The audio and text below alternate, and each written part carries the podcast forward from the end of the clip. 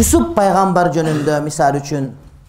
Жусуп пайгамбар жөнүндө жусуп пайгамбар зулайха келип ашык болгондо жусуп пайгамбардын ичинде деле бар эле зулайкага болгон сүйүү аттиңай деп дагы тафсир бергендер бар да кээ бир китептерде бирок ошол тафсирчилер көбүнчө исраилият деп коет ошол жөөттөрдүн риваяттарына таянгандан жазылып калат да. Биздин тафсирлер исраилдтардан бош болуш керек. Тилекке каршы көп тафсирде ушулар айтылынып калынган ал нерсеге маани бербеш керек айтат карачы. Бирок өкүнүчтүүсү тафсирчилерибиздин айрымдары да этиясыздыктан тооратка же дагы кененирээк мааниде исраилияттан келген маалыматтарга таянуу менен ал улуу пайгамбарга ылайык келбеген жана анын бейкүнөө табиятына так түшүрө турган баяндоолорду жаза кетишкен дейт. Жусуп пайгамбарды өзү мындай да жусуп пайгамбарды апарып туруп жанагы бир туугандары бала кезден кудукка таштап жиберишет. Кийин айрден бирөө чыгарып апарып туруп мисирге сатышканда мисирлик бир э, министр вазир аны сатып алып баласына багып өстүрөт.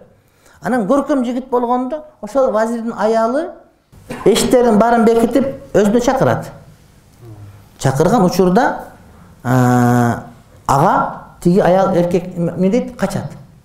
Анан качканда аркасынан кубалап келип ушундай кылганда этегин аркасын көйнөнүн аркасын айырып жыртып калат дагы анан тиги качып барганда качып барганда жанагы министр астынан чыгып калат вазир. Аял айтат карачы мага кол салды бул ошол аркасынан кубалап алдым. Муну камаш керек же өлтүрүш керек жок кылыш керек деп анан жусуп пайгамбар түрмөгө түшүп калат да. Бирок ошол көйнөк аркасынан жыртылды эми көйнөк жыртылган жаман го бул жусуп пайгамбар ошондо кудайдын буга болгон камкордугу анык бар экендигин сезди деп айтышат да. Анткени астынан жыртылып калса эмне болот эле?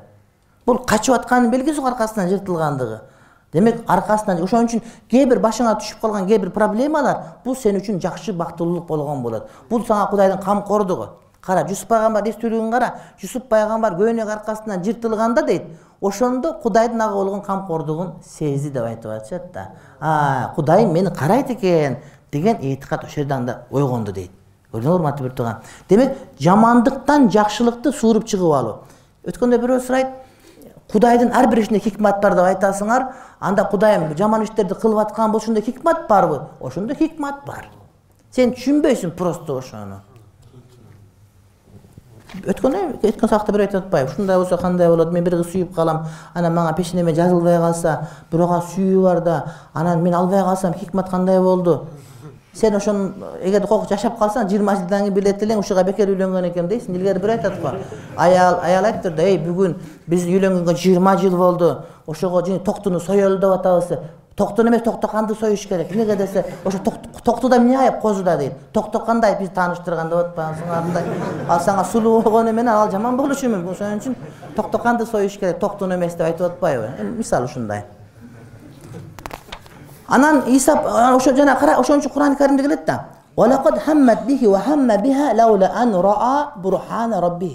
Куранда аят келет.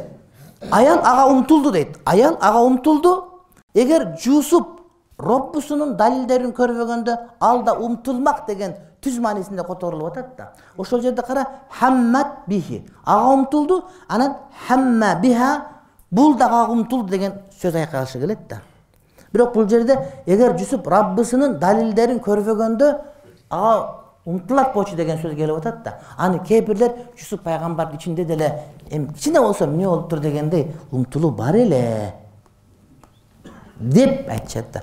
А чыныгы муфассирлер антип айтпайт. Мисалы үчүн урматтуу бир туугандар ушул боюнча айтылынган сөздөрдүн ичинде абдул азиз даббах деген аттуу улуу аалым айтат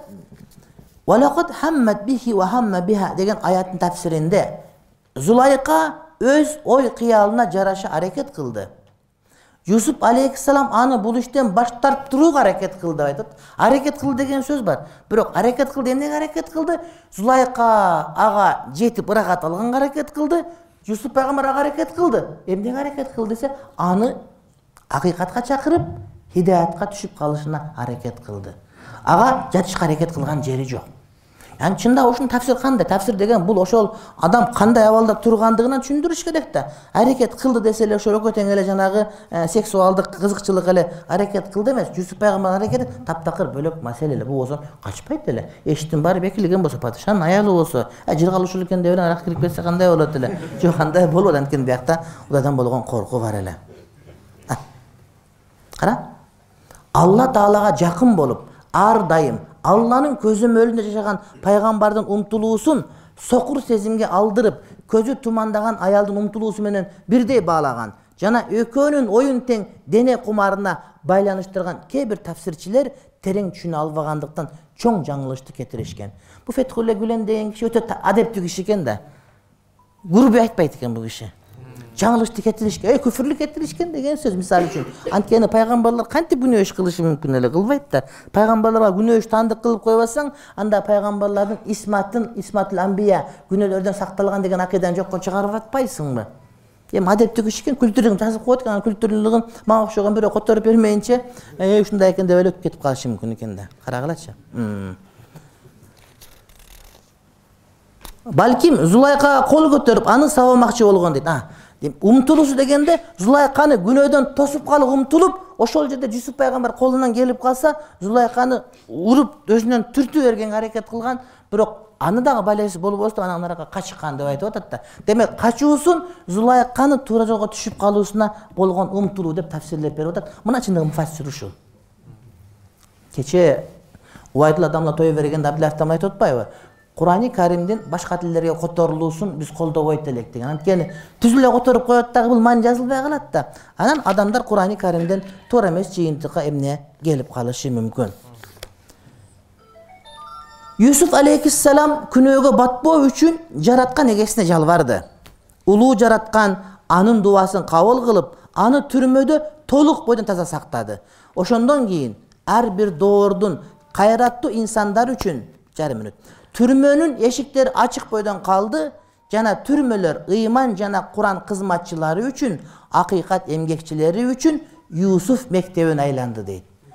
Юсуф мектеп түрмө урматтуу бир тууганым. Айтат бул жерде абийирдүү болуу башка абийирдүү экендигин далилдөө башка иш дейт. Кээ бир адамдар абийирдүү бирок өздөрүнүн абийирдүү экенин далилдей албай калат дейт да. Ал өзүнүн абийирин сактоого ушунчалык катуу тырышкан жада калса күндөрдүн биринде ага келишип канай эми зындандан чыккын дегендерге ал таптакыр көнбөй. Менин ак экендигимди бардыгы билмейинче бул жерден чыкпаймын деди. Аны жөн эле чыгып кой арыз жазып койсоң чыгып кеткен адилет болуп каласың. Жок мен акталып чыгышым керек. Мен эптеп эле чыгып калсам эле эсеп эмес мага деп атат да. Яни абийирдүү болгон өзүнчө бир маселе жана абийирдүү экенин далилдеген өзүнчө башка бир маселе. Демек эптеп эле түрмөдөн чыгып калыш керек деген сөз болбош керек. Адам абийирдүү болуш керек жана абийирдүү болгондугун далилдегенге аракет кылыш керек. Мына ушул адамдык белги. Жусуп пайгамбардан бар. Карагыла абийирдүү болуу башка. Абийирдүү экендигин далилдөө башка иш. Бул эки нерсе бирдей эле. Анын келечекте аткара турган вазифасы үчүн аябай маанилүү болчу. Түрмөдөн чыгып кетти. Падышадан кечирим сурап туруп. Бирок сен зына кылып түшкөнсүң да сага кечирим берсе чыкпайт элең деген сөз бар эле да. Ошон үчүн чыкпай кой жусуп пайгамбар? Анан зулайка элдин астына келип күнөөсүн мойнуна алды анын юсуп пайгамбар абийирдүүлүктүн мыкты үлгүсү экендигин айткандан кийин гана жусуп пайгамбар чыгып атат да. Демек урматтуу бир тууганым адамдар бар адилеттүүлүк эркиндикке чыгып алат акталбай туруп. Ал анда андан көрө түрмө жакшы акталып чыгышың керек. Абийирдүүлүк бар абийирдүү сактоо деген бар дейт да. Керек болсо зулайка өзүнүн күнөөсүн мойнуна алып жусуптун күнөөсү экендигин жарыялап жатса андай кадырлуулук пайгамбарга күнөөкөр деген оор жалааны жапкандарга эмне деп айтууну билбейм. Анткени кээ бирөөлөр жусуп пайгамбарды күнөөкөр деп айткандары бар. Азан айтылсын